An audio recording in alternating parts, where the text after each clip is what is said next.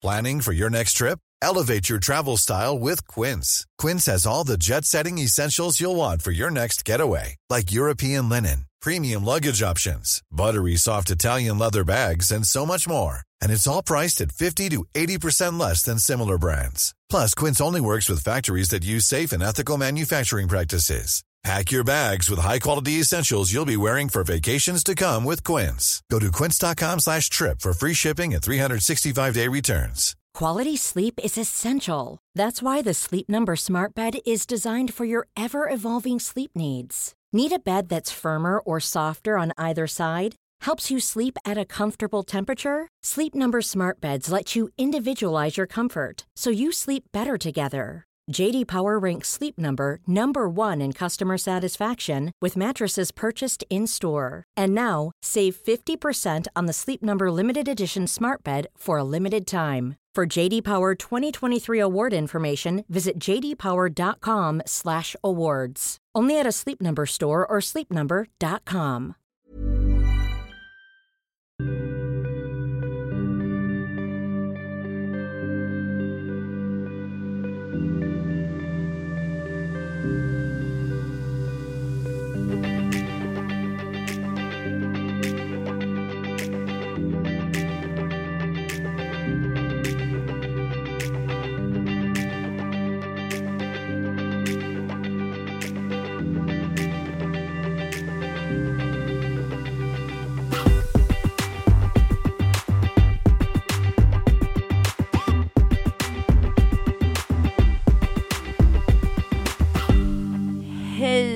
välkommen ska du vara till Varför i helvete podden. Det är säsong två, det är första avsnittet och jag vill bara säga att har du inte lyssnat på säsong ett så gör det. Vi toppade listorna under hela säsongen och jag säger vi för att jag hade en vän med mig under första säsongen.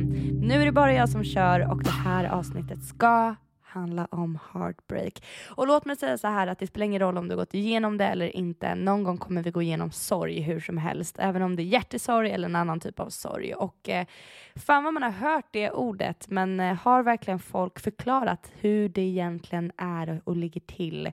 Jag känner att det är väldigt fil filtrerat. De som har pratat om hjärtesorg bland annat har ju verkligen bara tycker jag, ytligt pratat om det. Men du kommer få höra mig gråta, skratta, gå igenom alla faser och tankar. Och eh, jag vet att det är ett långt avsnitt, men antingen så Snabbspolare tänkte jag säga, men tar du dubbelspeed eller så delar du upp det här. Du kan diska, städa, gymma, eh, sova till min röst, men lyssna hela vägen ut eh, för att det finns mycket här att hämta.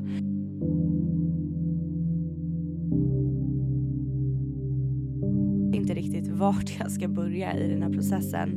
Eh, men jag tänker att jag börjar lite från början, lite kort om hur jag träffade mitt ex och eh, sen går vi rakt på eh, de sista dagarna vi hade tillsammans. Allting började 15 april 2017 23.55 och så här lät det.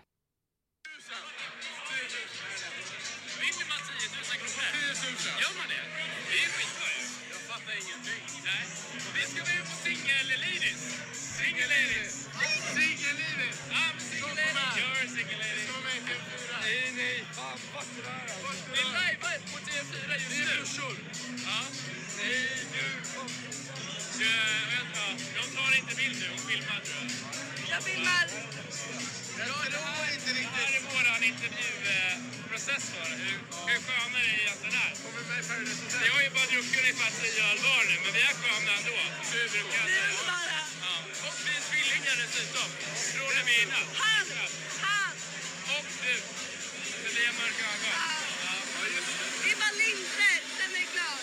Jag tror det. Men är vi klara nu då? Nej, jag filmar fortfarande. Jaha, okej. Ja. Kan, vi, kan du göra någonting så här? Dans eller? Jag är full. Jag kan, jag kan spela gitarr ganska bra. Eller jag, jag är skitduktig. Jag vill lära mig gitarr! Jag kan lära dig sen. Ja! Det där var alltså en video på när jag och mitt ex träffades för första gången. Och det är så jäkla sjukt att vi eh, fick med det på film. Ehm, jag spelade in en liten serie för TV4 Play som heter Singelliv komiskt nog. Och så kommer han fram tillsammans med min barndomsvän på en klubb och jag känner igen honom för att vi hade matchat på Tinder dagen innan. Så jag ser honom och så bara, men fan jag känner igen dig. Och han bara, ja jag känner igen dig. Och från den dagen, 15 april, så träffades vi kontinuerligt varje dag nästan. Eller inte varje dag, men eh, varje helg blev det.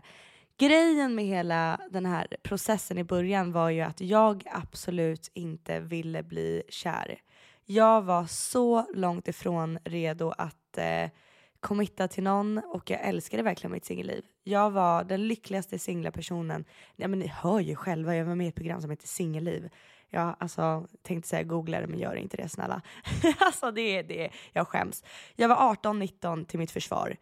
Men hur som helst, jag var inte redo för att gå in i ett förhållande. Men jag kommer ihåg att av någon anledning så hamnade jag med honom varje fredag, lördag, söndag. Jag har aldrig varit en person som, alltså jag har verkligen varit en person som skriver med folk i typ två dagar och sen tröttnade jag eller så bjöd folk ut mig och jag bara, men vad fan vill de mig? Jag blev nästan irriterad när folk visade intresse. Så jävla committed var jag till mitt singelliv.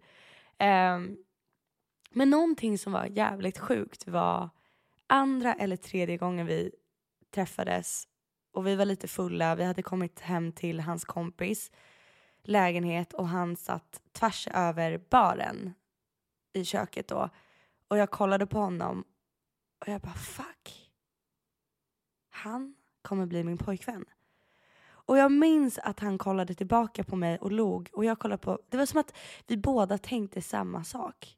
Det var så jävla sjukt för att grejen med det var att jag har aldrig känt den, igen den tanken någonsin. Men det slog mig bara i, det var som att magkänslan bara, han kommer bli din pojkvän vare sig du vill det eller inte. Och låt mig berätta att det här var dag två som vi träffades. I ett års tid kämpade den här mannen varje dag för att bli min pojkvän. Varav jag kämpade emot varje dag. Men av någon sjuk anledning så slutade det alltid med att jag ville vara med honom. Hur mycket jag än försökte ta pauser och pusha bort honom och säga att jag inte är redo, komma på med anledningar för att jag var rädd för att bli sårad, rädd för att gå in i ett förhållande jag var 19 år gammal, jag hade ingen aning om vad det skulle innebära.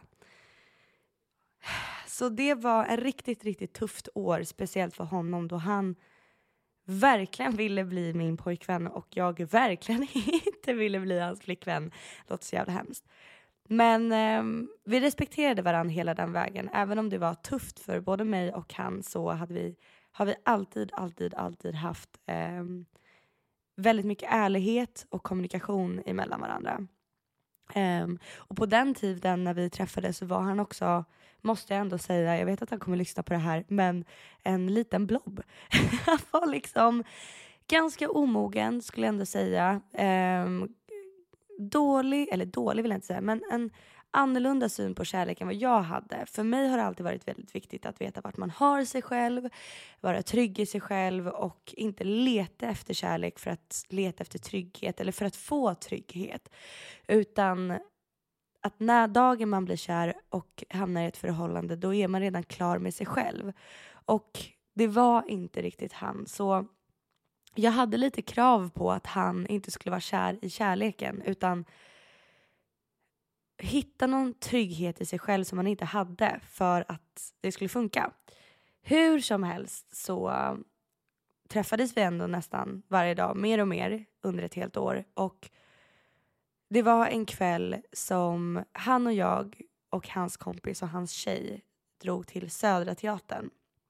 Och det var en så jävla mysig kväll. Det var sommar, det var varmt ute och vi kom hem efter en lång kväll till honom och jag kollade på honom och sa vi kan inte ses mer. Jag, jag tror jag är slut. Och vi var inte ihop då utan enligt alla andra var vi väl ihop. Enligt mig var vi inte ihop. Men eh, jag ville avsluta allting för att när vi var ute den kvällen på Södra Teatern och hans vän och hans tjej var så extremt gulliga mot varann och de var så lyckliga och det var ju allting som mitt ex ville ha. Gud jag höll på att säga hans namn här. Um, och jag kunde inte ge det till honom för jag var inte där, jag kunde inte möta hans känslor, det var inte ömsesidigt. Han var kär och det var inte jag. Um, så jag tog ett beslut för hans skull att uh, avsluta det för att jag kunde inte ge det han förtjänade. Den kvällen var, låt mig säga, en extremt jävla lång kväll.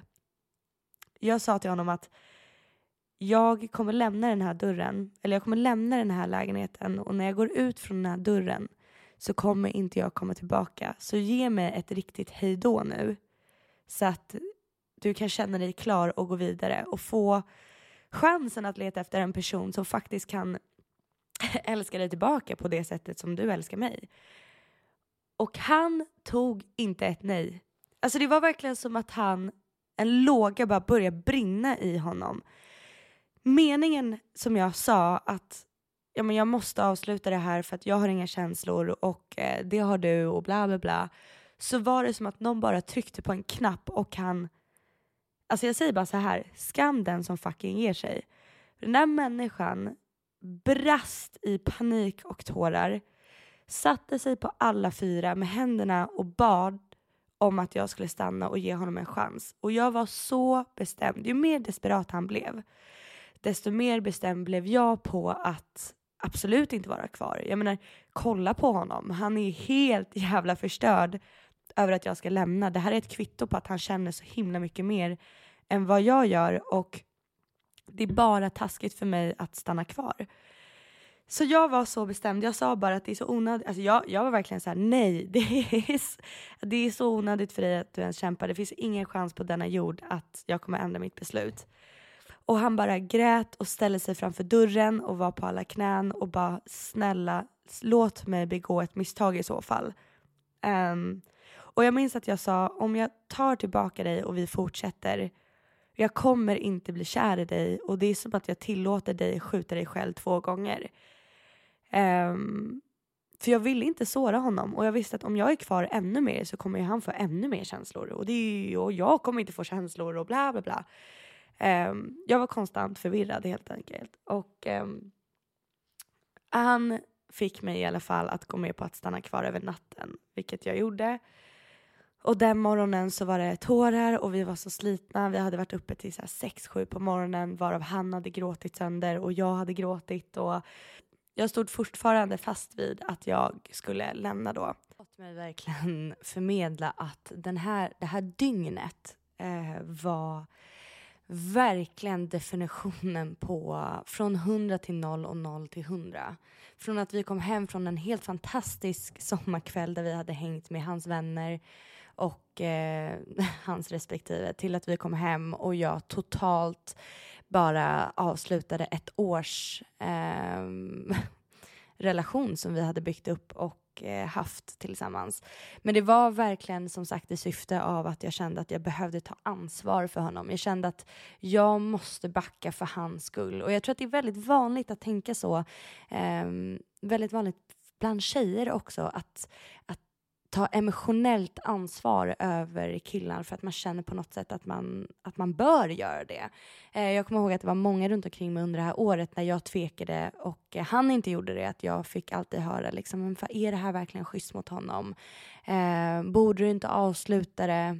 Eh, för att du känner ju inte det han känner och man, man fick liksom inte höra, men fan håll ut, du kanske hamnar där eh, han är. Eller liksom, så länge det är bra och så länge du har kul med honom så, eh, och så länge han är okej okay med att vara med dig så eh, gör du inget fel.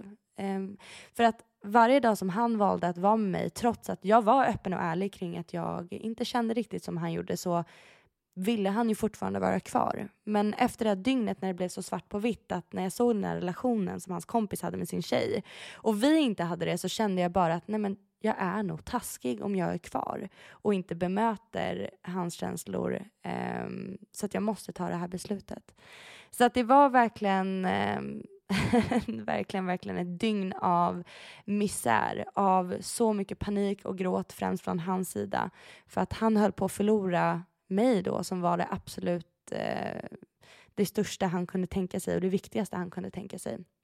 Så det var, det var hemskt. För att varva ner lite i och med att vi var så jävla förstörda så gick vi till ett sushiställe, köpte bippimbupp, bippimbapp, satte oss på en trappa, Landstingsparken och eh, det som fick mig att stanna den kvällen och sova över var meningen när han sa snälla ge mig chansen att göra mitt egna misstag.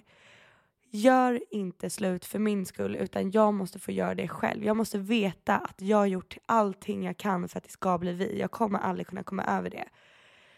Och det var lite liksom, det var en mening som verkligen slog mig att fan, det här beslutet tar jag ju för hans skull. Och om han sitter och säger nu att han vill begå ett misstag, ett eventuellt misstag, eh, för att sen kunna veta själv att ja, men jag, jag har gjort allt, för att, allt jag kan för att få henne, då måste jag ju på något sätt ge honom chansen. Men jag kan säga så att den här kvällen var absolut helt jävla sjuk. Vi var så förstörda, jag var så förvirrad och han var... Han, han gav sig inte. Han hade bestämt att den här tjejen ska bli min. Och det hade han bestämt redan första kvällen vi träffades eh, på den här klubben.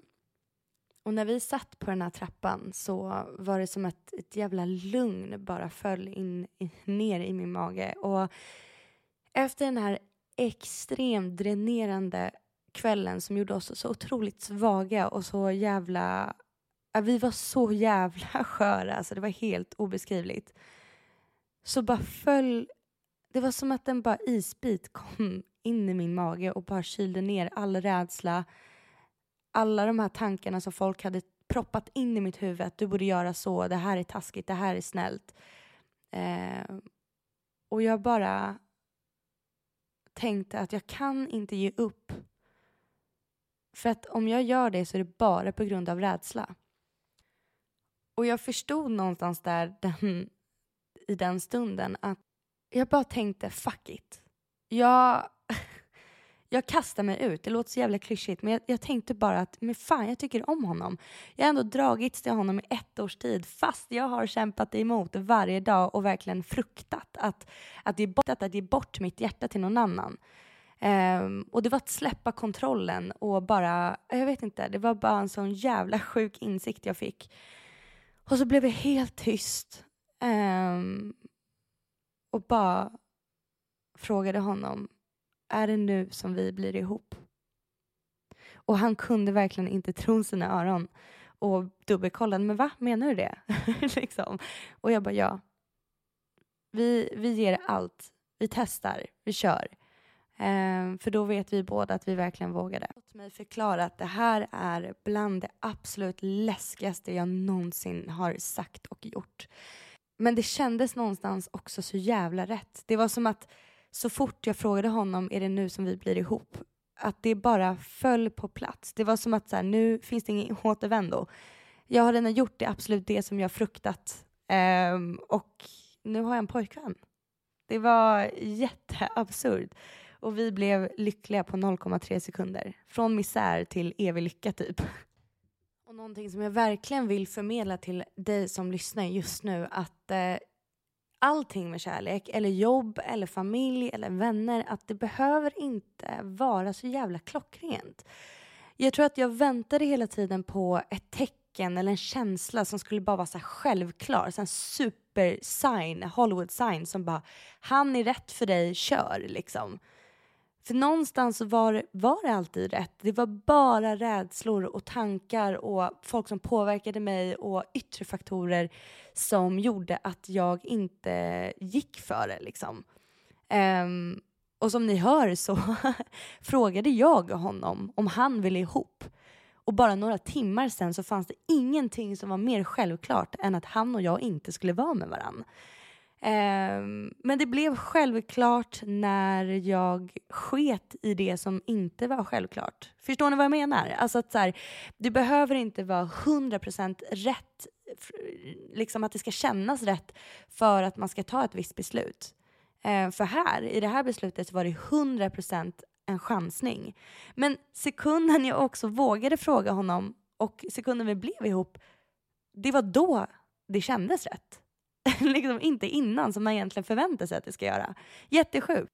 Och från 29 juli 1646 så blev vi ihop. Från den stunden som vi blev ihop så sa vi till varandra och lovade varandra att vi ska göra allting vi kan för att det här ska funka och för att den här kärleken ska hålla.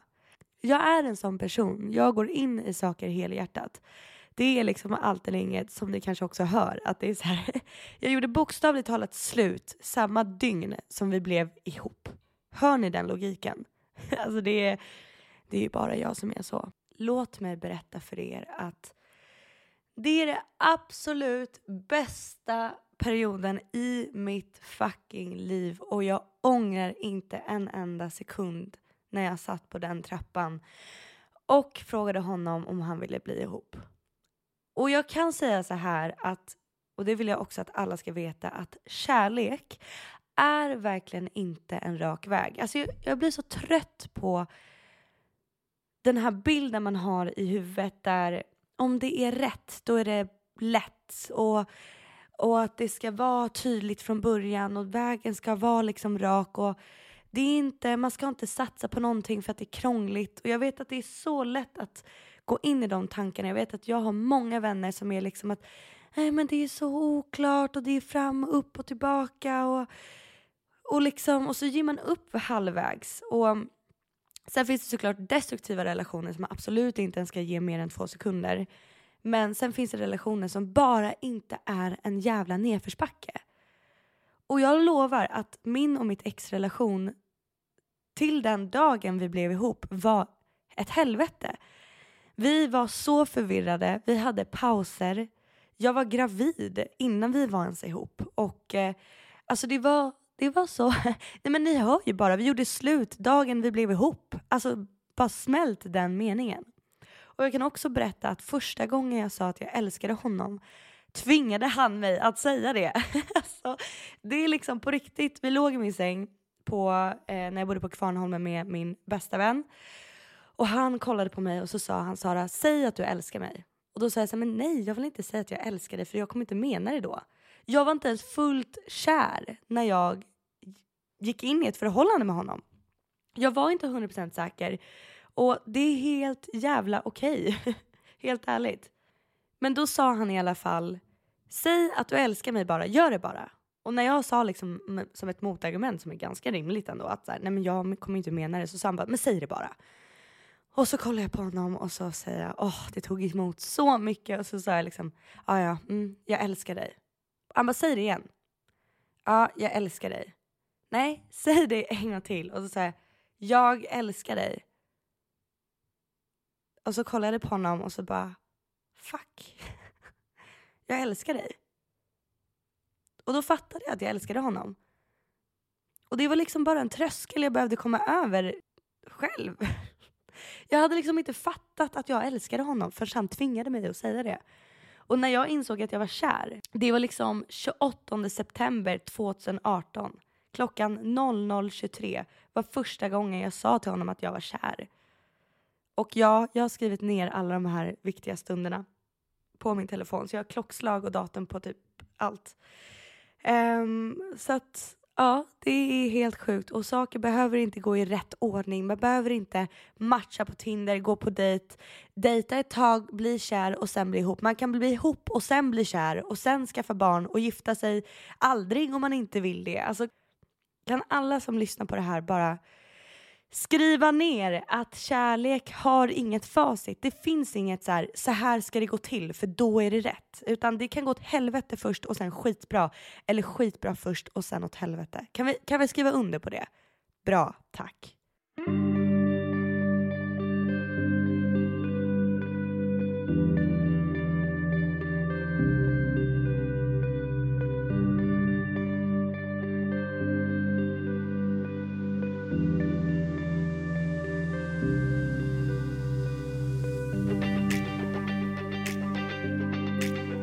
Efter att vi blev ihop på den trappan och gick från misär till eufori nästan så åkte vi hem till mig. På den tiden så bodde jag med min bästa tjejkompis på Kvarnholmen och vi kom dit och det var några vänner där för min roomie Daniela då hade massa tjejkompisar över.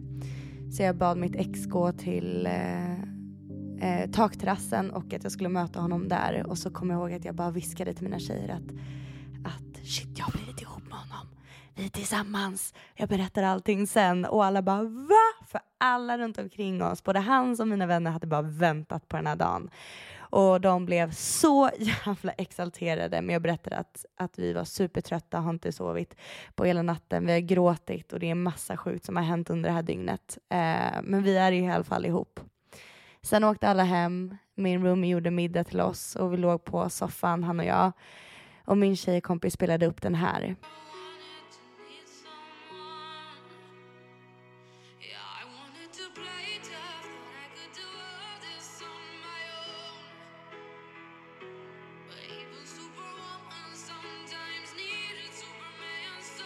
Jag kommer ihåg att jag bara brast i tårar när min tjejkompis av en slump satte på den här i bakgrunden i köket. Vi var först och främst så extremt sköra från allt som hade hänt men också att jag bara insåg tack vare den här texten att när hon sjunger liksom even a superwoman needs a superman's soul att jag är väldigt uppvuxen och det har varit väldigt viktigt för mig att alltid ha kontroll över mitt liv och att ingen annan ska kunna trampa över mig, att jag ska vara ganska självständig både i livet och även emotionellt. Um, och vara stark och det ska vara upp till mig om jag ska vara ledsen, inte för att någon har krossat mig.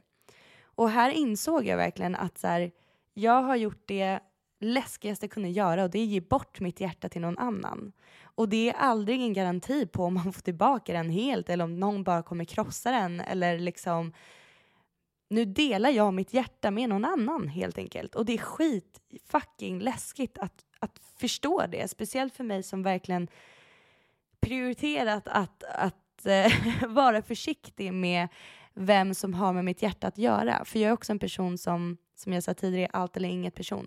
Kommer du in i mitt liv så gör jag allt för dig. Ehm, och då riskerar jag också att eh, bli väldigt sårad. Så att bli ihop med någon är verkligen att riskera att, eh, att bli, förstöra sig själv på något vis. Ehm, men tack vare den här låten så bara föll det att fuck, jag är ihop med någon nu och ehm, jag får bara hoppas på det bästa.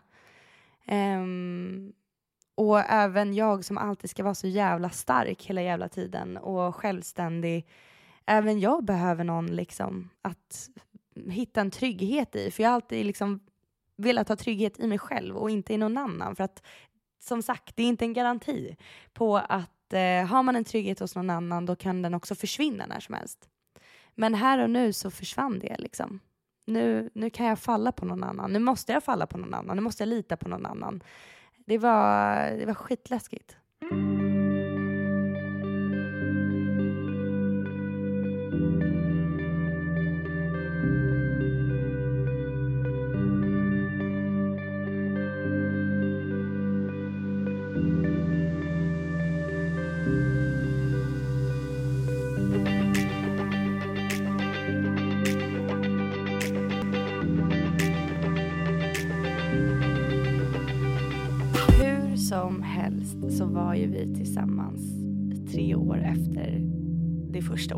Man säger. Och det är det absolut de bästa åren i mitt liv. Vi har alltid haft en sån otrolig respekt för varandra. Vi bråkade aldrig. Vi var inte envisa och eh, ingen svartsjuka. Allt var bara så jävla bra. Jag minns att alla runt omkring oss sa liksom att så här, om inte ni håller så kommer inte vi tro på kärlek och om jag får närheten av den relationen som ni har så kommer jag vara så jävla lycklig. Och jag håller med dem för att vår relation var så extremt jävla fin. Vår kärlek var så den var så jävla rå, den var så jävla äkta, den var så jäkla respektfull. Och man tänker ju då varför i helvete gjorde ni slut? Och det är fan många gånger jag undrar det också helt ärligt. Um, Sorry, jag behöver samla mig. Ibland kan jag faktiskt också undra varför i helvete vi gjorde slut. Men allting som är fint kan också bli lite fult. Och så är det. Och tacksam nog så gjorde vi inte slut på grund av någonting hemskt utan det sista året blev eh, psykisk ohälsa kom in i bilden. Eh, vi bodde i en etta ihop och Eh, jag under den perioden hade inget jobb för jag hade precis slutat min praktik och sagt upp mitt jobb för att satsa på drömmar. Ehm, och corona kom in i bilden och isolerade oss ännu mer. Så det blev bara jävligt jobbigt och vi kämpade och kämpade och kämpade och kämpade så jävla mycket på att försöka få det att funka för att vi älskade varandra så jävla mycket så att det var så att det gjorde ont. Um, men det gick bara inte och ju mer jag försökte lappa ihop relationen desto mer kände han sig kvävd och um, han tappade känslor mer och mer och det väl märktes men jag visste någonstans att han hade checkat ut från relationen. Alltså att han liksom på något sätt har tappat känslor för han tog inte initiativ, han blev frånvarande, han var inte lika karismatisk och han kämpade inte lika mycket för vår relation eh, som man brukar göra. Jag menar han var ju personen som dag in dag ut i ett helt år gjorde allting för att jag skulle bli hans. Och nu gjorde han inte längre. När jag lämnade på bråk så sprang han inte efter. Han ringde inte. När jag var ledsen så tröstade han inte mig på samma sätt. Och jag såg någonstans de här red flaggen. Jag såg att han är inte närvarande i relationen. Det finns en risk att han faktiskt har tappat känslor men jag kunde inte se det. Och det är så jävla svårt att se de här grejerna när man är mitt i skiten. Men i efterhand så blir alla de här tecknen så jävla, så jävla tydliga. Och jag tror att många som har gått igenom relationer, även om det är med vänner, familj, eh, partner, kollega, att när man är mitt i den här destruktiva relationer eller mitt i skiten då är man så förvirrad. Man bara, vad är det som händer? Vad är problemet? Vad, vad, vad är det som gör att det är så här? Men sen när man kommer ut ur det så blir det bara mer och mer självklart. Och det här kommer låta så sjukt men jag är så tacksam över dagen han gjorde slut med mig. För att jag är en sån person som var, det förstörde mig inifrån och ut var att jag kan inte ge upp. Hur mycket saker sliter sönder mig, hur mycket jag än krigade för att lappa ihop allting. Och jag glömde bort mig själv helt sista året. Alltså jag gjorde ingenting för min skull. Allt, allt min fokus var bara hur kan jag få honom att må bra? Hur kan jag göra honom glad? Så att jag tänkte aldrig på vad fan jag behövde eller vad som, ja men vad som behövdes för min skull. Utan allt, allt mitt fokus var verkligen han och oss och inte jag. Um, och det är någonting som jag behöver jobba på idag väldigt mycket. Jag hade aldrig kunnat lämna om inte han tog initiativet. Jag är en sån person som inte ger upp. Eh, på gott och ont.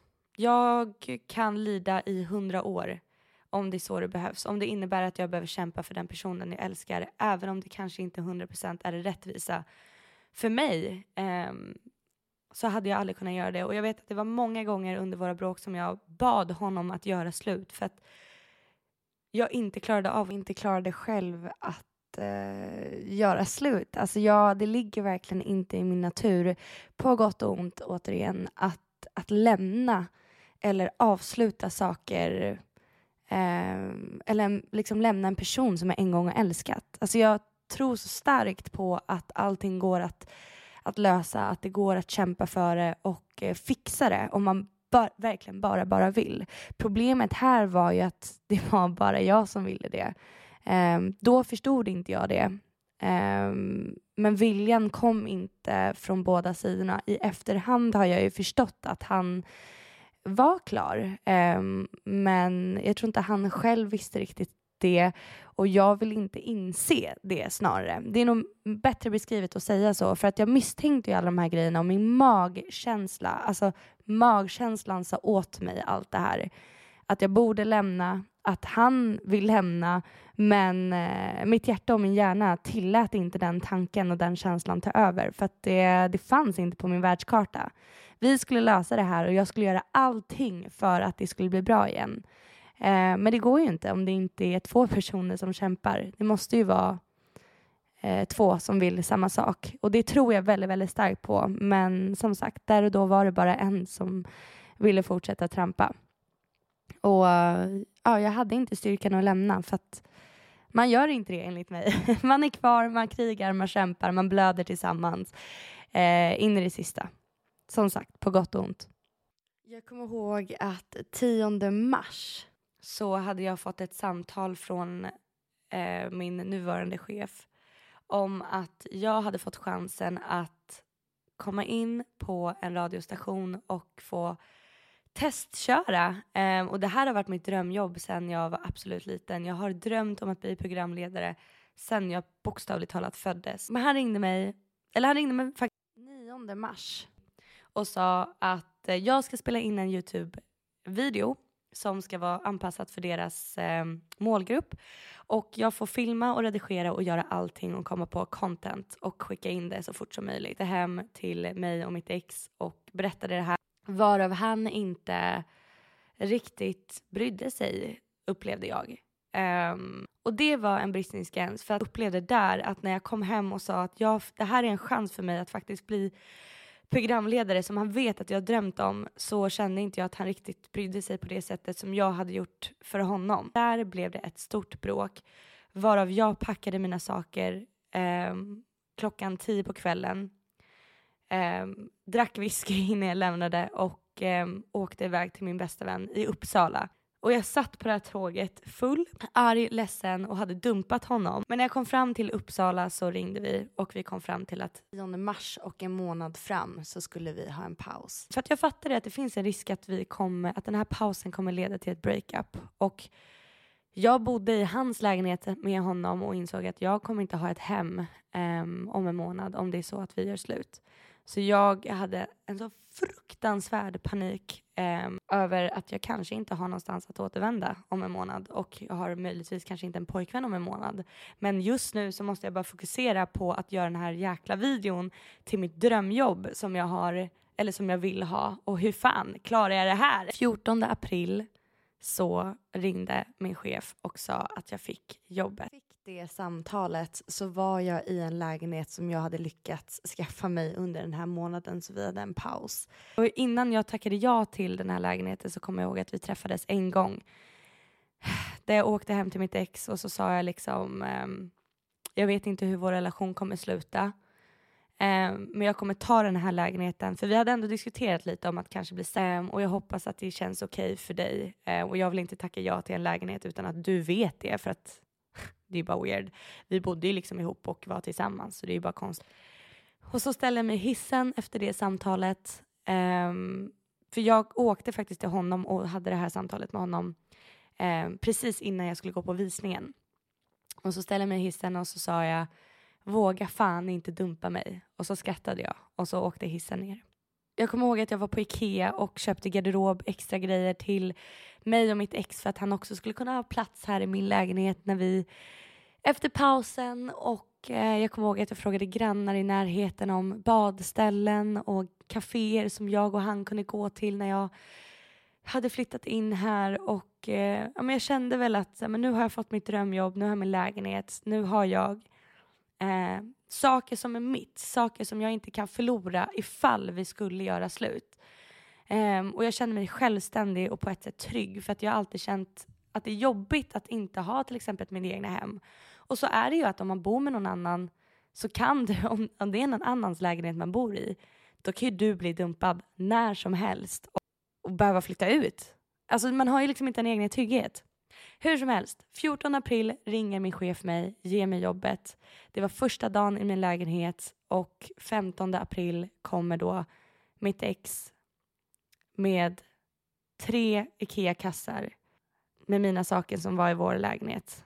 Och jag fattade direkt att fuck, han är här för att göra slut. För han hade aldrig tagit med alla mina saker utan att jag hade fått packa dem själv om inte det var så att han skulle göra slut. Så när jag öppnade dörren så förstod jag, eller innan jag öppnade dörren så kollade jag i nyckelhålet och såg att han bar på alla de här grejerna. Och jag bara sprang tillbaka in i lägenheten i vardagsrummet och bara fuck, fuck, fuck, fuck, fuck, fuck. För jag fattade ju.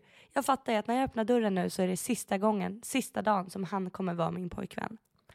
Och jag öppnade dörren och låtsades som ingenting och vi skulle prata efter vår paus för första gången och han kollar i lägenheten och han hinner inte ens vara här i fem minuter innan han sätter sig på soffan och kollar på mig och säger jag har tänkt lite och eh, jag vill göra slut.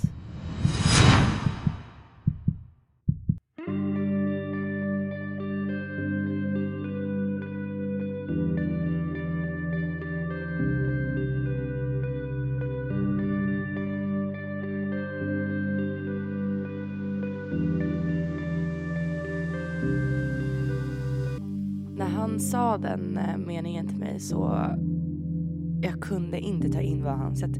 Jag fick inte fram ett enda ord. Jag bara kollade på honom och väntade på att han skulle säga jag skojar. Det var det enda jag ville höra att han på något sjukt sätt har en sjuk humor och eh, eh, låtsas dumpade mig. Eh, men jag kommer ihåg att jag kollade på honom och han kollade på mig och bara hallå reaktion tack. Och eh, det kändes som en evighet men jag tror att det bara var några minuter och jag, det första jag gör är att börja skratta. Jag kommer ihåg att min absolut, absolut första reaktion var chock och sen en lättnad. Och jag minns att jag sa det till honom att fan, någonstans i mig så känner jag mig lättad. Um, och det kan vara en, en millisekund av den här känslan där jag någonstans ett längre tag har velat göra slut.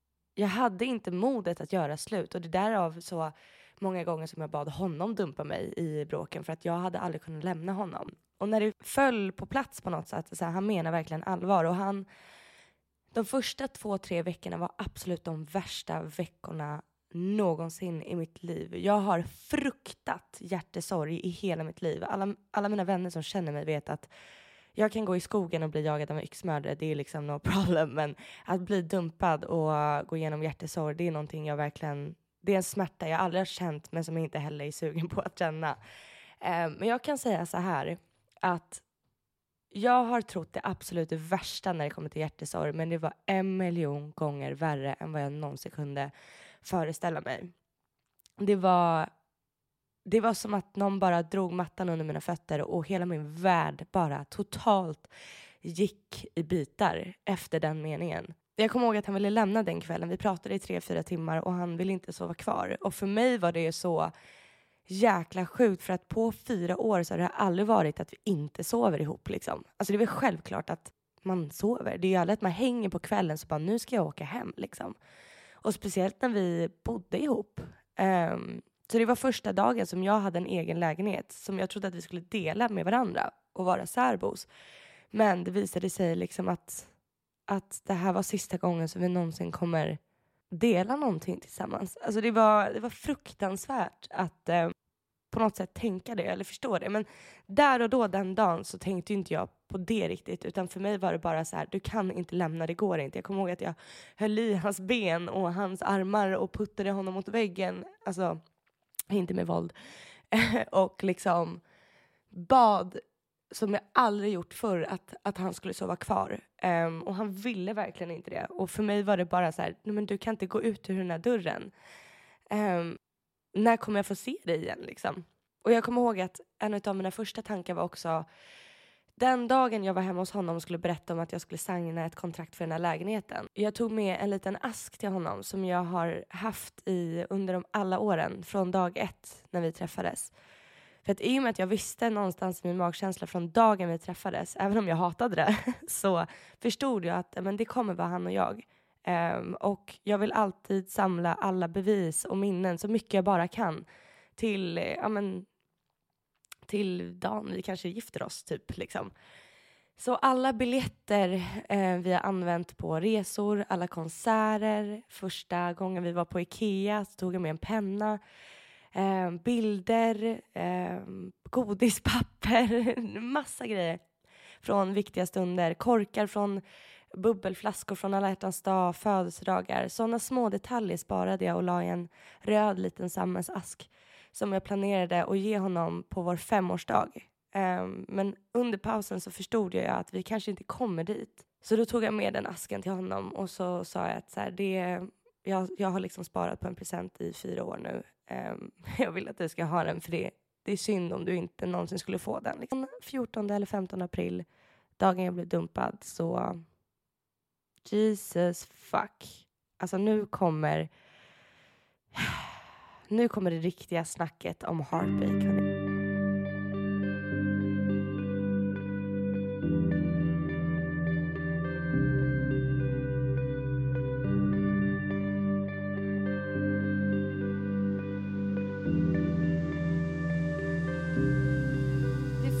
Fem olika faser i sorg och eh, samma sorg som man har och känner och de här faserna man går igenom när någon har gått bort och dött. Samma sorg och faser går man igenom när man går igenom hjärtesorg. Och det låter helt jäkla sjukt för att man tänker ju alltid att eh, det är värre om någon närstående har gått bort. Och det kanske det är, men smärtan och eh, ja, men som sagt faserna ser likadana ut. Så första fasen är ju förnekelse. Sen är det ilska. Sen är det förhandling, depression och till slut kommer man till acceptans. Och förnekelse kan jag bara säga att det var absolut det första jag gick igenom, eh, alltså rakt av. Jag kommer ihåg att jag dag in och dag ut gick runt med hopp hela tiden. Och jag kunde inte riktigt, jag, alltså jag, jag vaknade varje morgon och eh, var helt tom. Det, det var som att allting bara i mig dog. Jag kände ingen livslust. Jag grät så mina lungor gick av. Jag kommer ihåg att jag absolut inte kunde ha tystnad. Alltså det var helt absurt hur besatt jag var av ljud de första veckorna. Så fort jag vaknade så satte jag på radio, tv, all ljud som det bara gick att få till hade jag. Jag kommer ihåg att jag ringt, gick runt i min lägenhet och pratade med mig själv. Jag kommer ihåg att jag gick runt och sjöng skithögt. Um, föll på golvet och bara grät och samtidigt så bara ställde jag mig upp och bara, men han kommer komma tillbaka. Nej, men det, han kommer ångra sig. Han, han är bara chockad själv. Eller liksom. Man bara gick runt och fattade ingenting. Alltså det var, det var helt blankt i huvudet. Um, och man gjorde liksom allting för att bara ta, ge, ta sig igenom eh, dagarna. Och jag kommer ihåg alla som var i min närhet, närhet första månaderna, egentligen fram till idag. Eh, och nu har det ändå gått fyra, fem, sex månader. Eh, och jag hade ingen tidsuppfattning. Alltså noll tidsuppfattning. Jag, I och med att jag bara gick på överlevnadsinstinkt varje dag. Jag vaknade och tänkte vad fan att jag vaknade. Helvete. Alltså jag ångrade mig varje gång jag slog upp mina ögon och tänkte bara fuck. Ännu en jävla dag man måste bara ta sig igenom och man ville verkligen inte det. Man orkade inte existera och det låter så jäkla sjukt men man, jag var så extremt, extremt tom och jag hade ingen som helst uppfattning om någonting. Hey, it's Danny Pellegrino from Everything Iconic. Ready to upgrade your style game without blowing your budget? Check out Quince. They've got all the good stuff shirts and polos, activewear, and fine leather goods, all at 50 to 80% less than other high end brands. And the best part? They're all about safe, ethical, and responsible manufacturing. Get that luxury vibe without the luxury price tag. Hit up quince.com slash upgrade for free shipping and 365 day returns on your next order. That's quince.com slash upgrade. Hey, it's Ryan Reynolds, and I'm here with Keith, co star of my upcoming film, If, only in theaters, May 17th. Do you want to tell people the big news? All right, I'll do it. Sign up now and you'll get unlimited for $15 a month in six months of Paramount Plus Essential Plan on us. Mintmobile.com slash switch. Upfront payment of $45 equivalent to $15 per month. Unlimited over 40 gigabytes per month. Face lower speeds. Videos at 480p. Active Mint customers by 531.24 get six months of Paramount Plus Essential Plan. Auto renews after six months. Offer ends May 31st, 2024. Separate Paramount Plus registration required. Terms and conditions apply if rated PG.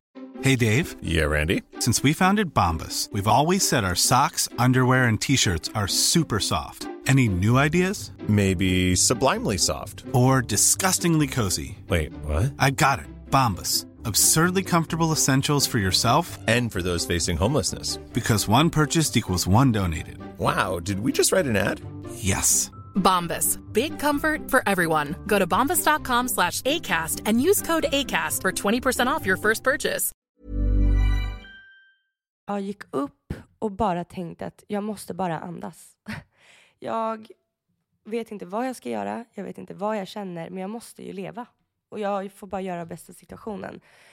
Och jag gjorde verkligen allting för att leva. Jag gjorde, tackade ja till alla typer av middagar, fester, gick ut och gjorde allting jag bara kunde för att inte tänka på det. Och det var verkligen förnekelse då. Att så här, jag bara körde på Um, efter de två första veckorna. Och eh, de två första veckorna som sagt så var jag helt eh, jävla förstörd. Alltså tom och död. Och eh, jag uttryckte mig även att jag inte ville leva. Och jag tror att det är många där ute som går igenom hjärtasorg eller har gått igenom hjärtasorg kan verkligen relatera till den meningen och jag hoppas att folk där ute som hör folk säga det också faktiskt tar det på allvar.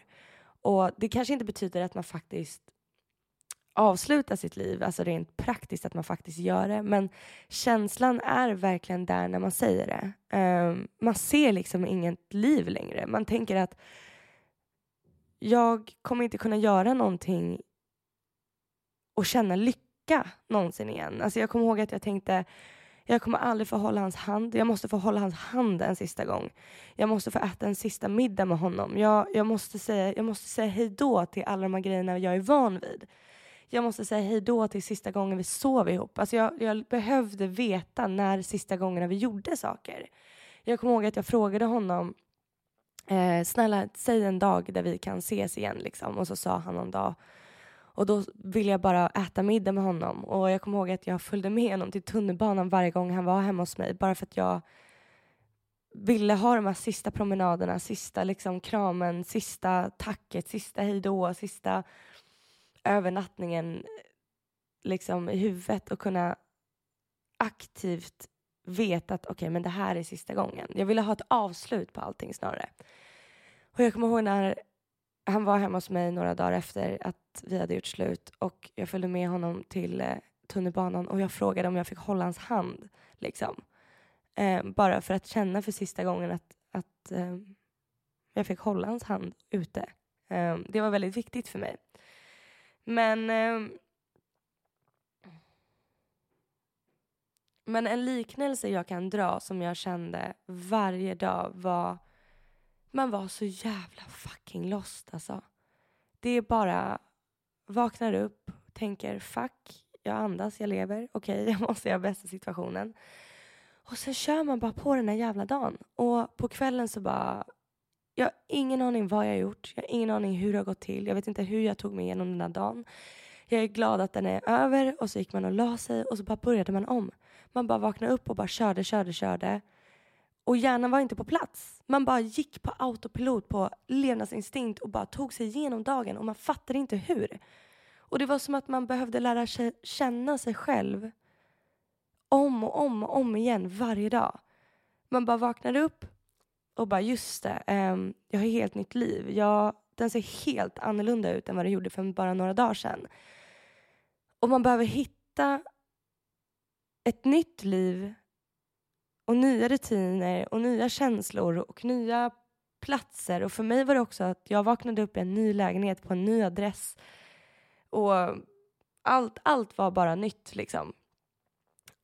Och i och med att man gick på autopilot så var det så jävla svårt att minnas dagarna. För att man var inte, i huvudet så var man ju helt annanstans. Um, så när folk frågade mig vad gjorde du igår eller vad gjorde du förr igår så min tidsuppfattning var liksom jätteskev. Jag kunde säga att nej, men jag flyttade in i min lägenhet för tre månader sedan när det var bara tre dagar sedan. Och jag trodde på riktigt på det och jag kommer ihåg att jag hade så extrema, extrema minnesluckor. Jag mindes ingenting vad folk sa, vad, folk, vad jag gjorde, vad, om jag, alltså, ingenting. Och som sagt, det bästa sättet jag kan beskriva det var att man, att man skrev liksom man lärde känna sig själv på eh, nytt varje dag. Det var som att man vaknade upp med ett tomt papper och så skulle man fylla i den och sen på kvällen så brann det upp och så började man om och började man om och började man om om, om, om varje dag. Och man fick liksom göra saker på nytt igen. För första gången man lagade middag själv och åt den själv. Första gången man hade nätter där man sov själv. Första gången man jag fick mitt drömjobb och inte kunde dela det med honom. Eh, första gången man mådde dåligt och inte fick tröst av honom. Eh, man började verkligen om sitt liv. Helt. Eh, och jag tror många kan förstå den känslan eh, som har gått igenom just det här att, att komma ut ur en relation och, och starta ett helt nytt liv. Och det är verkligen det. Och åh gud, alltså jag kommer ihåg när mina vänner gick igenom ett heartbreak att jag hade så svårt att relatera till det. När folk sa liksom att man börjar om och det är så fysiskt jäkla ont i hjärtat. Man på riktigt känner hjärtat gå i tusen bitar varje dag. Och man hörde nästan smärtan i kroppen för att det gör så fruktansvärt ont. Och när man hörde de här meningarna utan att man har känt dem själv så kunde man aldrig riktigt förstå nivån av extrem fruktansvärd smärta egentligen är med hjärtesorg. Och man kan inte se sig själv någonsin vara lycklig igen. Det är helt omöjligt. Och det sjuka är att än idag, det har gått snart ett halvår, att jag fortfarande känner att det gör ont när jag skrattar för att det är så jävla krystat. det är liksom, allting är så jävla ansträngt. Allting blir så jäkla mycket jobbigare. När man skrattar så gör det ont, när man gråter så gör det ont, när man, när man andas gör det ont och att, att tänka var inte möjligt. Man var liksom i en, i en fas av förnekelse, chock och helt jävla lost. Man bara, vem är jag? Vad gör jag? Hur, hur ska det här gå? Hur, vad hände? Jag kommer ihåg att man inte förstod. Man tänkte liksom så här, men hur hamnar man här? Och, och, och varför blev det så? Och även om han förklarade många gånger varför han gjorde slut och varför vi skulle göra slut och han sa liksom att Sara, du kommer inte förstå varför jag gör det här men du, när du mår bättre så kommer du förstå att det här är det bästa beslutet jag och vi någonsin kunnat tagit. Men där och då så var det liksom helt omöjligt. Jag bara, du är, du fattar ju inte. du, du, du har gjort, begått ett misstag, du, du, du fattar ingenting. Men idag i efterhand så var det ju faktiskt jag som inte fattade någonting. Och mår man inte bra i en relation så ska man fan inte fortsätta trampa. Um, och jag kan säga idag att jag har mer kött på benen och jag måste faktiskt säga att varenda jävla smärta som jag gick igenom och fortfarande går igenom idag är så jävla värt det. För att alltså, jag har aldrig blivit så vuxen på så kort tid. Jag har aldrig blivit så stark och gått igenom en sån kris som man gör och en sån misär som man gör när, man, när hjärtat på riktigt bara blöder. Um, och när man ser tillbaka nu, för det är så svårt att se sin utveckling där och då när man är i skiten. Liksom. Att, men när man verkligen aktivt tar sig tiden och det är så jävla viktigt ni som går igenom hjärtesorg eller om du kommer någonsin göra det att någon gång bara stanna och tänk hur kände jag och vad gjorde jag och hur var jag bara för en månad sedan? Och man ser att den här jävla klyschan som är så omöjlig att förstå men är så, aldrig stämt så jävla bra att tiden läker alla sår. Hjärtesorg är verkligen ett exempel på att man ska bara lida igenom. Det är som ångest. Du, du kan inte göra någonting, du kan inte underlätta på något vis. Sorg kommer vara där. Du kan gå ut och festa, du kan vara med dina vänner och eh, liksom göra dig själv så upptagen du bara kan, vilket är skitbra. Tro mig. Tro mig, jag gjorde det. Oh Jesus Christ. Alltså jag har sprungit i månader och inte stannat upp för en enda sekund. Jag vaknade och gick ut och gjorde det och det och det och kom hem. Alltså jag var inte ensam en enda gång. Jag var så fylld med planer och människor runt omkring mig att jag aldrig ens låste min dörr till min lägenhet för att folk klev in och ut i den konstant. Um, och det hjälpte mig. Men det kommer kanske också ikapp eh, lite då och då. Och det gjorde det faktiskt för bara två, tre veckor sedan att jag känner att sommaren är över. Jag har bara kört på och bara pumpat i mig aktiviteter för att fly från den här jävla fucking smärtan. Och nu bara, varför i helvete har jag gjort det? tänker man lite.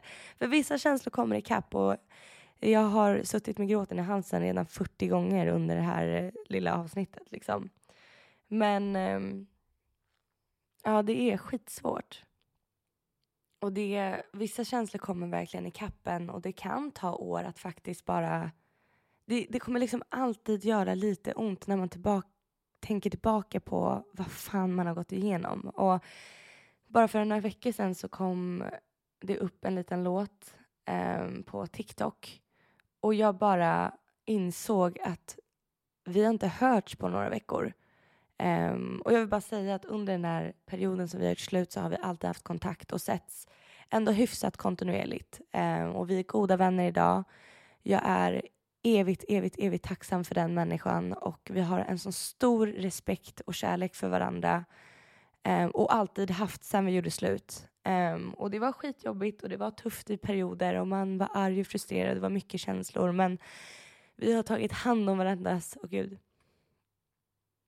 Men vi har verkligen tagit hand om varandras hjärtan väldigt mycket och um, funnits där för varandra och vi har även kontakt än idag liksom, vilket är helt jävla underbart. Um, men jag insåg att jag att vi inte hade hört på väldigt länge och vi hade, jag hade skickat något sms och han hade inte svarat på, den, på det smset på tre dagar och det var en käftsmäll i sig för att när man är ihop så svarar man ju varandra det första man gör när man ser smset men nu märker man att man är inte lika varandras prioritet och man är inte varandras nummer ett längre. Och när den insikten kom i mig efter en TikTok-video som jag såg så bara började jag stört gråta. Och det var första gången jag grät på månader. För jag har ju bara stängt av och bara kört på och, och bara försökt överleva dag för dag liksom. Um, men det kom ikapp mig och jag insåg att, att sorg är verkligen en, en liknelse jag kan dra är liksom som en lång, lång, lång tråd. Föreställ en röd en meters tråd. Och varje centimeter av den tråden är en bearbetningsprocess eller ett scenario som man bara måste gå igenom för att kunna klippa av. Till exempel att en centimeter av den här tråden är tanken av att jag inte är hans nummer ett. En annan centimeter av den här röda tråden är tanken av att jag faktiskt inte har en pojkvän. Eller tanken att jag... Eh, eller en centimeter av tråden kan vara att man behöver gå igenom bearbetning, eller bearbeta tanken av att det faktiskt är slut eller att han faktiskt kan träffa någon annan eller att jag kan träffa någon annan. Och jag kan inte klippa av den här lilla centimetern förrän jag har gått igenom den bearbetningen. Och när jag har gjort det och bearbetat det och tänkt de här tankarna, vågat möta tankarna, det är det och känslan och gå in i de här grejerna, eh, då kan man klippa av den lilla centimetern tills tråden inte finns kvar längre. Men den kommer alltid vara kvar tills man faktiskt har klippt igenom eh, hela snöret. Och det är verkligen så, jag bara, det bara kom in som en insikt för mig att det kommer finnas kvar. Den här smärtan och de här tankarna måste bara, jag bara fejsa. Jag kan fly i tio år, men någon gång måste jag ju känna känslan. Och det är skitläskigt att känna så. Jag vet, tro mig. Man tänker ju bara att nej, men om jag skiter i att bearbeta så kanske det går tillräckligt länge så att det inte behövs längre. Och när, när man tänker på att man måste bearbeta, då tänker jag ju, eller då tänkte jag ju att det är kriser av grejer man måste gå igenom. Att det är jobbiga känslor, man måste gråta, man måste gå sönder var, man måste gå igenom varje tanke och verkligen bearbeta aktivt. Liksom. Och så ansträngt behöver det faktiskt inte vara. Mitt problem var att jag kunde tänka jobbiga tankar. Typ att det slog mig att shit, fuck, vänta, vi har gjort slut liksom. Men så bara, ah, ja, whatever. Men jag vågade aldrig gå in i känslan och verkligen bara så här, vänta här nu. Mitt liv ser helt annorlunda ut jag har inte honom längre. Vi, vi är inte varandras nummer ett. Jag får aldrig någonsin säga jag älskar dig till honom. Jag får aldrig sova med honom. Han kan vara med någon annan och verkligen gå in i det. Och sen gråter man. Fine. Men, men känn inte att du, inte att du gör fel för att du inte gråter. För jag kommer ihåg att jag hela tiden var så men vad fan, varför gråter jag inte? Alltså, varför bearbetar jag inte? Varför känner jag inte? Varför gråter jag inte? Ah, liksom. Jag fick panik av att jag inte grät för att jag tänkte att om bearbetning är lika med tårar, typ. Och så behöver det faktiskt inte vara. Men jag tror att det viktigaste är att man verkligen går in i känslan och vågar möta jobbiga tankar och stanna kvar i dem. Och sen hur reaktionen är, det är inte viktigt. Men så länge man inte flyr från tankarna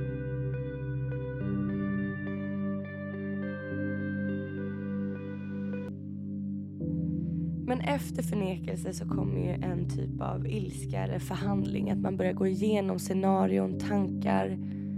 Vad hände? Och man börjar se saker så jävla klart. Alltså, den här meningen som han sa till mig att så här, du, du ser inte, du kommer inte förstå varför det här händer nu men du kommer verkligen göra det en dag. Och han hade så jävla rätt att ju mer man nyktrar till nästan eh, och slutat på något sätt vakna upp i en ny kropp varje dag och man bara trampar och försöker lära känna sig själv och nya, lära känna sitt nya liv. När man kommit över det stadiet så börjar man förstå att men jag var också klar i relationen eller fan det fanns så många red flags som man inte såg. Um, och man börjar liksom på något sätt trampa igenom historien man hade och se liksom med helt nya ögon och helt nytt perspektiv och, och man börjar se saker på ett helt annat sätt och det är en sån lättnad att börja förstå för att man fattar fan inte ett jävla skit i början. Man, det är bara en bubbla, det är bara ett moln, man är bara lost och bara, det gör ont i varenda kroppsdel och man bara vill överleva den här jävla smärtan och man vill bara att det ska vara över men man ser inte hur det ska komma över. Man kan inte se sig själv bli lycklig någon dag men jag ser ju nu så jävla klart att jag var faktiskt också klar. Um, och jag uttryckte det på många sätt och jag kommer ihåg en sån tydlig tanke jag hade en gång och det här är så jäkla sjukt.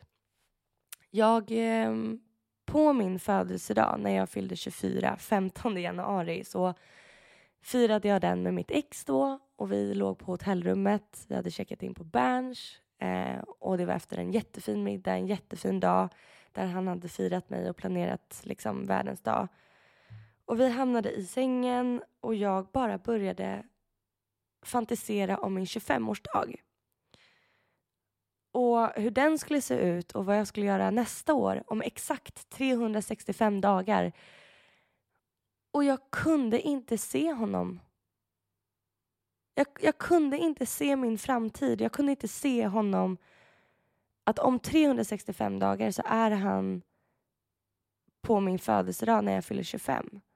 Och det här, de här tankarna kom väldigt många gånger eh, det sista året när det var jobbigt. Att jag kunde bara så som man ser sin framtid när man faktiskt vill vara med någon. Att det är så tydligt att man kan visualisera när man flyttar ihop eller när man gör det eller när man åker dit.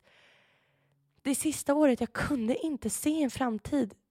Men det var så svårt för mig att verkligen acceptera det. Så jag tvingade mig själv nästan att se en framtid med honom. Men det var så jäkla tydligt. Det blev liksom bokstavligt talat svart när jag tänkte på specifika scenarion där han skulle varit med och varit med tidigare. Jag menar, dagen vi, sen dagen vi träffades så har ju han varit med på alla stora liksom, event som nyår, födelsedagar, julafton. Liksom. Men nu på min 24-årsdag, när jag skulle fantisera nästa år på min 25-årsdag, så kunde inte jag se honom. Och jag hatade det och jag förnekade det för mig själv. Jag tänkte ja, men det här är bara magkänsla som absolut inte stämmer. Men låt mig berätta för dig som lyssnar här och nu att magkänslan är verkligen ofta sann om man vågar lyssna på den. Verkligen vaken många nätter och bara undrade hur fan mår jag? Borde jag göra slut? Men alltså man har ju liksom varit ihop i så många år och så vågar man liksom inte ge upp om det som man älskar och mår bra av. Det är en trygghet men samtidigt så är jag ju ändå lite lycklig nu. Man försöker liksom hålla i det som är bra och bara vägra inse att det faktiskt kanske gör mer ont än, än tvärtom. Och eh, är man lyckligare om, blir man lyckligare om man gör slut? Eller är jag som lyckligast nu? Man liksom vågar inte riskera. Tänk om man ångrar sig och oh, alla de här tankarna. Legat vaken många nätter och frågat hur jag mår jag har sagt jag borde lämna men det har gått så många år. Det var 13.36 när jag insåg jag var kär. Skulle alltid vara du. Jag har slitit mig tur.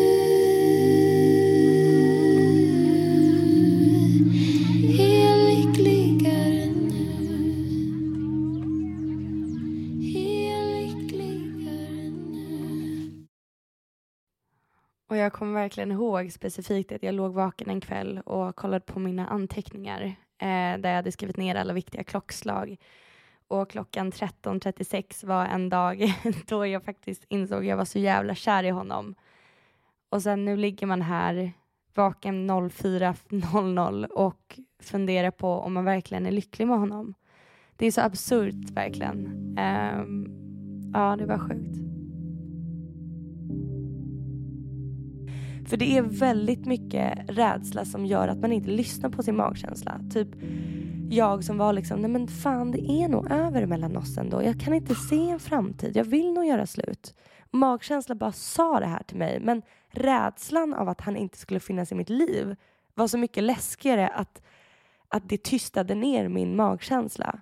Eller magkänsla av att man inte ska gå på en fest. Det kan vara magkänsla på att man inte ska göra vissa saker eller att man ska göra vissa saker.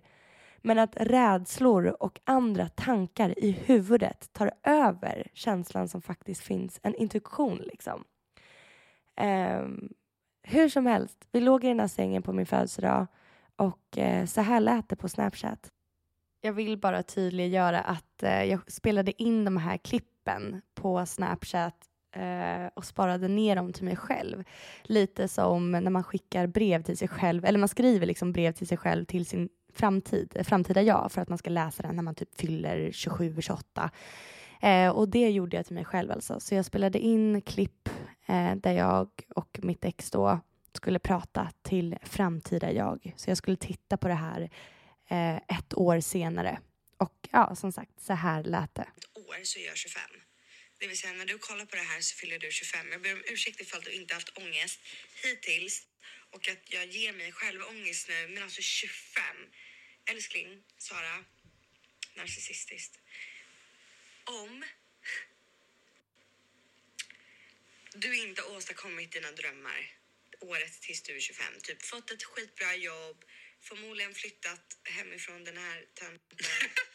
Men eh, du kanske har haft ett jättetufft år. Jag vet ju inte hur mitt år kommer se ut. Men när du ser det här när du är 25 så har du upplevt det här året. Vilket är så sjukt att jag sitter nu helt omedveten om vad som kommer hända närmsta 365 dagarna. Och du som kollar på det här nu och är 25 vet exakt vad som har hänt. Vad kommer hända det här året? Jag har ingen aning. Men vad jag hoppas på är att jag har ett jobb jag älskar och som kommer ta mig till det jag vill bli i framtiden, som jag vill jobba med framöver för alltid inom TV. Jag vill jobba med glädje. Det är väldigt, väldigt viktigt. Kanske släppt ett avsnitt av podden, gärna komma igång med podden igen. Flyttat från, inte Kungsholmen, men från ettan. Och vi bor lite större och jag har mitt egna hem. Så att du har tränat kontinuerligt det här året och behållit den här formen om inte den har blivit bättre. Mina egna ord mot, gud vad svårt det är att prata till sig själv i framtiden. Och umgåtts mer med mina vänner. Kom ihåg vem du är, alltid har varit, stark, independent, självsäker, starkt psyke, driven, bra vän, bra flickvän. Sjukt att du sitter och hör det här. Men honestly, du är det. Så om du känner att du inte är det längre, om du känner att du inte är snygg, om du inte är bra, om du inte är smart, om du inte är driven och tar tag i saker. Jo, det är du visst det. Och om inte du är det just nu så kan du bli det imorgon. Tanken som slog mig, tänk om inte vi är ihop inom ett år? Cause I'm gonna be the president of the United Nej men honestly. Tänk om inte vi är ihop nästa år när jag ser det här. Vad vill du säga till mig då? Förlåt. På riktigt, vad hade du sagt till mig? På riktigt, du har möjlighet att säga någonting till mig. Om inte vi bara hade varit ihop. För jag kommer titta på det här när jag är 25. Eh, om vi inte skulle vara ihop så eh, förlåt faktiskt. För du har ju antagligen gjort någonting dumt. Har Eller, eller vi, eller liksom så här, det har blivit fel Ja. på något sätt. Och det vill man ju säga förlåt för. Och att man aldrig får glömma bort vilka personer man är i grunden. Liksom, för det kanske blir något fel. Vi bråkade ju hetsigt häromdagen liksom, men det kunde ju sluta illa liksom, för att man Ja. kanske sp- spann vidare på det. Ja. Och så är det mycket känslor, så tänker man övertänker och så glider man isär liksom. Men man eh, förhoppningsvis sitta tillbaka efter ett tag liksom. Men om vi inte gör det? Att jag hör av mig då? Efter hur länge? Jag vet inte. Vart går gränsen för dig? När är det okej att höra av mig, när är det inte det? Det beror helt på när, vad det är. Alltså hade vi bråkat så dagen efter liksom. Men tänk att vi har gjort slut. Alltså vi har gjort slut, it's a break. Det har Ja. gått några månader. Tre, fyra månader har gått, Siri. Ja, alltså Vi har kommit till det stadiet att vi typ börjar komma över varandra. Alltså lite så här så. Grejen är att det känns som att du skulle typ, om vi skulle göra slut så skulle du blocka mig överallt för att typ enklare komma över mig. Mm. Och då hade inte jag haft någon kontakt med Men hade du velat höra av dig? Ja, alltså ja, det tror jag. Vi har ändå haft mycket, eller har, har mycket tillsammans. Ja. Det beror på. Alltså, det beror så mycket på. vara liksom så här nära och så kära och sen en dag. Gud vad det här är hemskt att jag spelar in det här. För om, oh my god, I'm so sorry. Nej, enough. Om du har kommit över honom så ska jag inte göra det jobbigt för mig själv. Du är stark, du klarar det här. Kom inte Nu gjorde över. slut av en anledning. Nej.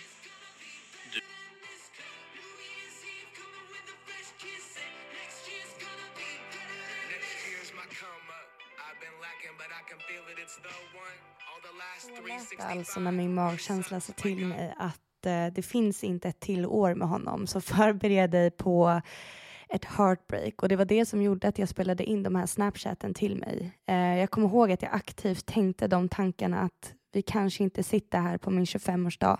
Alltså om 365 dagar. Och det är en sån fucking smärta. Låt mig berätta för er som inte har gått igenom hjärtesorg att livet bara rasar. Du bygger upp och lämnar ut och du skapar trygghet och kärlek och minnen och man brinner för varandra och vår kärlek var så fucking fin. Jag måste faktiskt säga det att vi utvecklade varandra och vi kämpade för varandra och vi älskade varandra på riktigt. Det var, det var liksom inte att vi var kära i varandra utan vi älskade människan som fanns i varandra.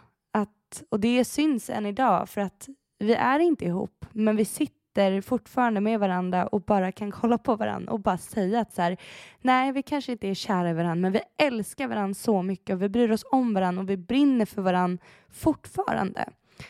Och det säger så jäkla mycket om relationen vi hade när vi var ihop, att det var så grundat i så mycket mer än attraktion och att man är kär, utan att det är också en vänskap, ett band som inte är beroende av att man måste vara kär för att det här bandet ska finnas.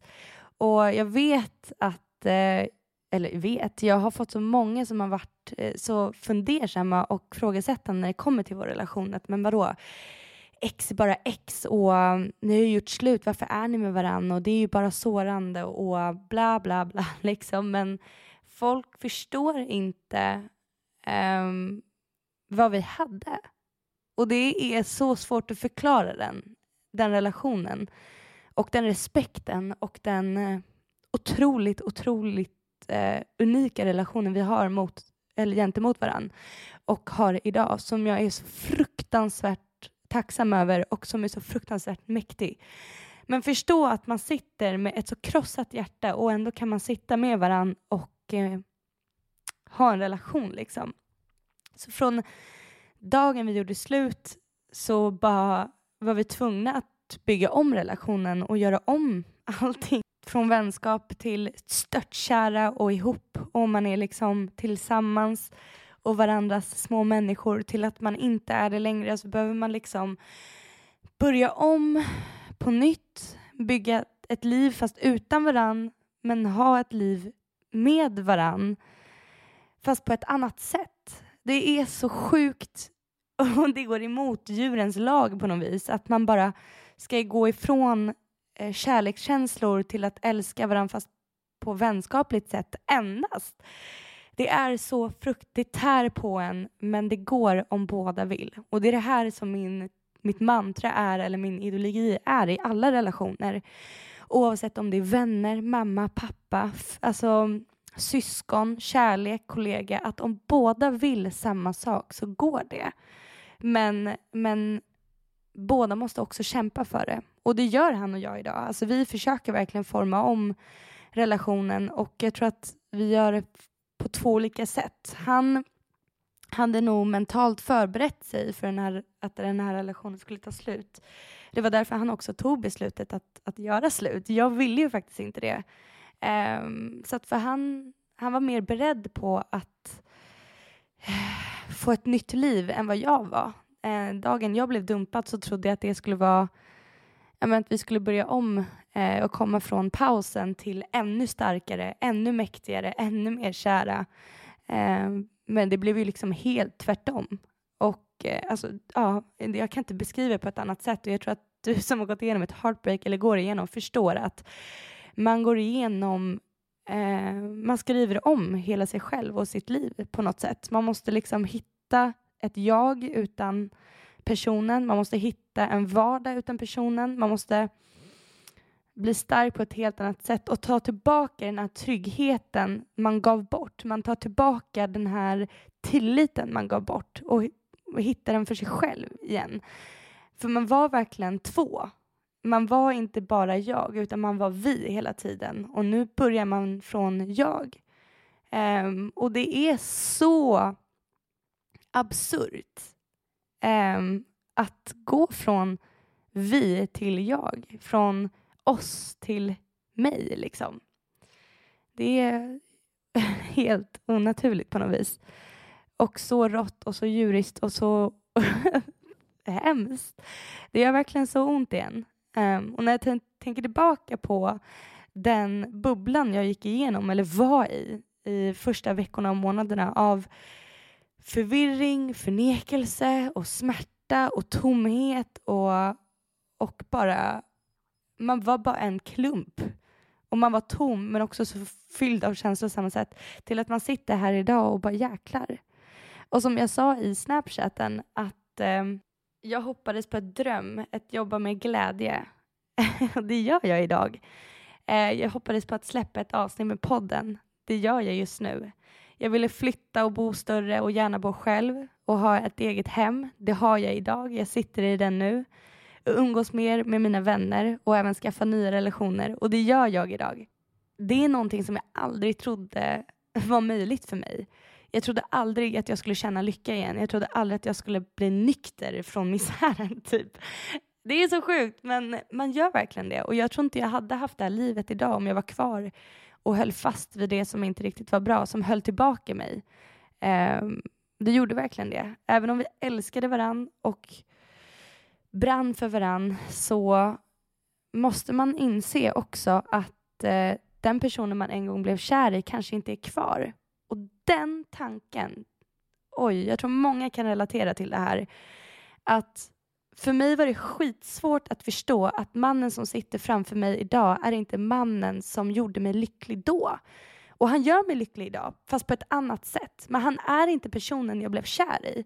Om man håller kvar vid den här tanken så jävla länge, och det är den man sörjer så jävla länge. Man sörjer ju minnen väldigt mycket. Man går igenom Italienresa man gjorde ihop. Man går igenom liksom alla skratt och skämt och när vi kastade tårta på varann. Och liksom, men han är inte personen idag och man växer ifrån varandra. Um, men som sagt, man håller kvar vid det, det braiga så länge man bara kan. Uh, och det är en omställning. Det, det är sjukt. Där och då var det otydligt, men när det var dåligt i vår relation så blev både han och jag väldigt isolerade. Saker vi tyckte var kul, saker vi brukade ha energi för, gjorde vi inte längre. Vi tyckte inte, var inte med våra vänner. Jag var inte lika driven, jag var inte lika eh, liksom sprallig och jag var en person som pratade med allt och alla. Jag var en person som liksom hittade på grejer, var väldigt, väldigt driven karriärsinriktad. Jag sa också i, i den här snapchaten att jag hoppas att jag tar upp min podd igen, vilket jag gör här och nu. Um, men där och då så tänkte jag bara, varför i helvete är jag inte mig själv? Men man fattar inte att man var olycklig på grund av relationen. För det är så dränerande att vara i en relation som inte är bra. Jag kände att jag inte fick den kärleken jag ville ha. Jag kände mig väldigt underprioriterad, jag kände mig väldigt bortglömd och ouppskattad. Eh, samtidigt som jag vet att han kände att jag var väldigt krävande och kvävande och, liksom, och det var för att han var i en relation som han inte ville vara i. Liksom. Så det är så viktigt att våga. Det här är mitt absolut största tips. Både när man är i en relation, vilken som helst, vänner, pojkvän, flickvän, mamma, pappa, kollega, att våga gå igenom jobbiga tankar, våga tänka jobbiga tankar, våga känna jobbiga känslor och våga göra och ta jobbiga beslut. Och det är så jävla mycket lättare sagt än gjort. Jag vet det. För att min magkänsla sa så många gånger att lämna. Men kärleken för honom var så mycket större för mig i mitt huvud. Um, men vi var klara. Det var vi. Um, och det behöver inte vara misär. Man behöver inte gå igenom otrohet eller att det måste vara tydliga saker för att man ska göra slut. Typ, otrohet är en sån tydlig grej att så här, nej men nu gör man ju slut liksom. För det är aldrig, man, man ska ha, ha nolltolerans mot det. Men när det är bara krångligt och komplicerat och man bara fejdar ut sin personlighet och när det bara är suddigt, ett gråzon liksom. Då är det så jäkla svårt att ta beslutet att göra slut för att man kämpar. Eller vi kämpade och jag kämpade och han kämpade in i fucking sista på att vi skulle fortsätta vara vi. Um, för vi fruktar ju såklart dagen där, där vi skulle komma till punkten där, det, där vi behövde göra slut. Liksom. En annan viktig grej är ju också att acceptera att man inte kommer förstå vissa grejer. Eh, och det är ett sätt att släppa taget, att verkligen komma till den här insikten att så här, ja, men det är mycket jag inte kommer förstå och jag kanske aldrig kommer göra det heller. Ja, alltså att acceptera det faktum att man kommer bli lämnad utan svar på sina frågor ibland. Till exempel att jag undrade verkligen och undrar fortfarande än idag om han sörjer mig. Eh, för jag har inte sett honom uttrycka den sorgen på så sätt som jag har uttryckt min sorg. Och det väcker ju mycket frågetecken som typ betydde jag ens något? Men innerst inne så vet man att man gjorde det, men man kan inte hjälpa tanken att tänka så ändå. Och i min situation så får jag liksom lita på den inre logiken, även om känslan säger emot. Att acceptera att jag tvekar på den frågan och jag kommer aldrig nog, jag kommer nog alltid undra det här. Men då får det bara vara så. Eh, innerst inne så vet jag väl att han sörjer, men någonstans så tvekar jag på det och ja, vissa frågor så får man inte svar på under relationen. Och jag vet att många går runt och ältar det liksom väldigt mycket och vill bara veta mer och mer och mer för att hitta någon typ av förståelse och acceptans.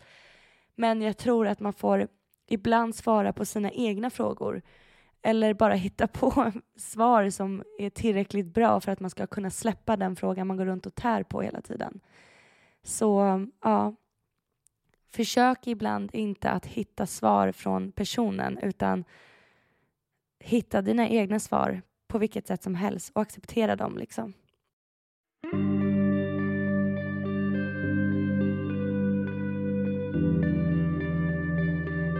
Och något som jag är så otroligt tacksam över som jag verkligen har tagit med mig är att jag aldrig någonsin, någonsin kommer nöja mig med någonting som är 100% bra. Och det jag menar med det är ju såklart att så här, det finns ju inte människor som är perfekta. Alltså det, det, finns ju ingen som är helt fläckfri och det är ju inte vad perfektion är för det är ju helt, det, alltså det existerar ju liksom inte. Men däremot så kan jag, jag har fått en mall tack vare mitt ex på vad jag ska förvänta mig och ingenting mindre. För att han var en person som hade allting som jag någonsin har önskat och velat ha hos en partner. Um, och det kommer jag alltid, alltid ta med mig. Att jag fick faktiskt uppleva en person och en kärlek som var absolut det bästa jag någonsin kunde önska mig. Och hade jag haft en dålig relation så hade jag inte vetat att det finns någonting bra. Och det här säger jag till alla mina vänner. Jag har till exempel en vän som på riktigt tror att det inte finns relationer där otrohet inte förekommer. Att förr eller senare så kommer någon vara otrogen. Och det är för att hon har upplevt det under alla sina relationer men också folk i sin närhet har haft väldigt mycket, mycket otrohet. Och det gör så ont i mitt hjärta att höra det här för att hon vet inte bättre. Och jag försöker bara förmedla det här till alla mina vänner men också till mig själv att så här, fan, nöj dig inte med lilla, lilla, liksom det minsta. Alltså tänk liksom att du är en person och du har ett pris. Och ditt pris är olika krav som du ställer mot din partner. Till exempel, jag vill ha respekt, lojalitet och jag vill inte ha svartsjuka. Jag vill ha det här och det här och det här och den personen får inte dig förrän han har råd med, dem, med att liksom fylla upp de kraven. Det är ju som när du går in på H&M och ska köpa en tröja för 300 spänn. Men har du bara 200 kronor så kommer ju du inte få den här tröjan. Alltså så är det bara. Och eh, så ska det vara med dig också. Sätt ett pris och den personen får inte dig förrän den personen har råd liksom.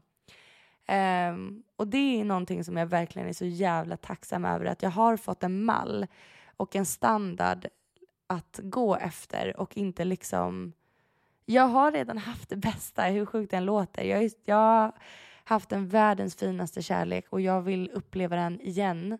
Fast om det är möjligt ännu bättre. Vilket det är. Det är verkligen möjligt och det är det man måste verkligen tro och förstå att det finns relationer, som man kan ha bra relationer som är 100% bra. Man ska inte nöja sig med han är rolig, han är snygg, han är ambitiös, men han är lite olojal. Finns det ett litet men så nöj dig inte. För att alltså, om du tar första bästa eller om du tackar ja till den personen då tackar du samtidigt nej till en person som möjligtvis skulle kunna vara bättre. Så tjejer och killar där ute, snälla ha tålamod. Nöj dig inte med liksom att han fyller upp så här nio av tio krav utan man kan faktiskt ställa krav och man är inte kräsen på ett negativt sätt utan det handlar bara om att man har respekt mot sig själv och man, vad, vad man vill ha i en relation. Så ta inte den chansen ifrån dig genom att tacka ja till en kille som är skitbra men bla bla bla. Det ska inte finnas några män. Finns och det är så värt det när man väl håller ut och håller i och får det här som man verkligen drömmer om. Det är helt jävla obeskrivligt hur mäktigt den känslan är och hur mäktig den relationen kan bli om man bara tar nothing less but the best, typ. Hur klyschigt det än låter. Så våga tro och våga liksom eh, vänta in det. För eh, det är värt det, jag lovar.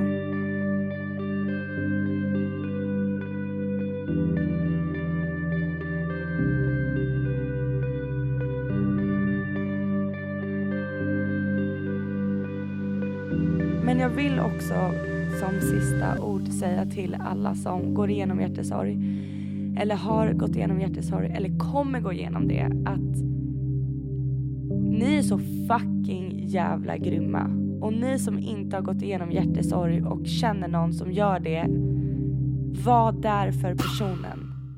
Och säg inte meningen ring mig om det är någonting. För att en stor del av att finnas där för någon är att göra det med eget initiativ. Det är så jävla svårt att nå ut när man är så svag och så jävla skör och går igenom en kris att bara ringa någon och säga hej jag behöver dig. Du behöver liksom inte ge upp ditt liv för en annan person och lösa det då. Eller det räcker med ett hej jag tänker på dig. Eller ringa och bara fråga hur mår du? Det behöver inte vara att man kommer med rosor och man tröstar i timmar.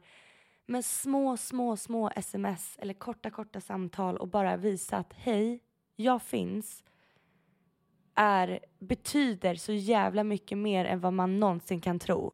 Så ta verkligen med er det att en del av att finnas för någon är att verkligen göra det frivilligt.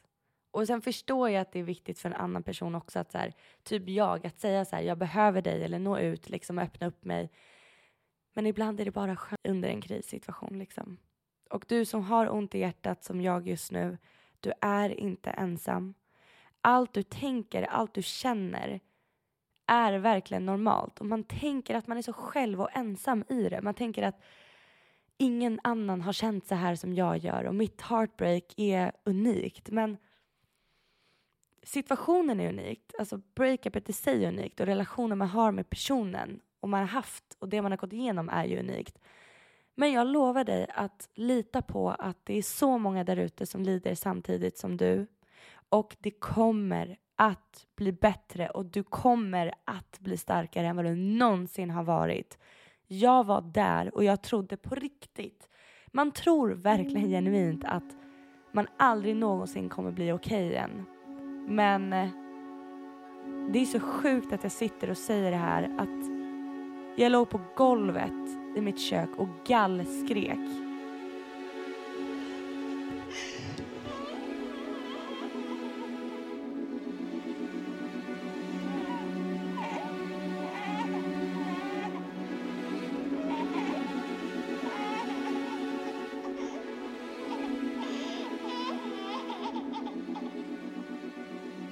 Nu kan jag ändå sitta och skratta och faktiskt göra det på riktigt.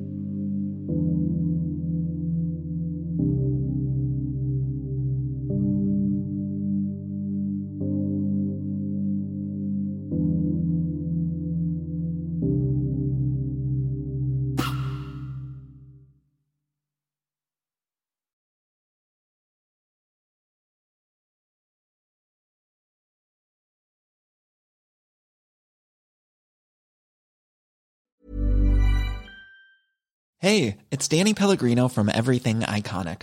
Ready to upgrade your style game without blowing your budget? Check out Quince. They've got all the good stuff shirts and polos, activewear, and fine leather goods, all at 50 to 80% less than other high end brands.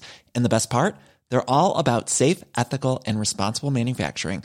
Get that luxury vibe without the luxury price tag. Hit up quince.com slash upgrade for free shipping and 365 day returns on your next order. That's quince.com slash upgrade. Planning for your next trip?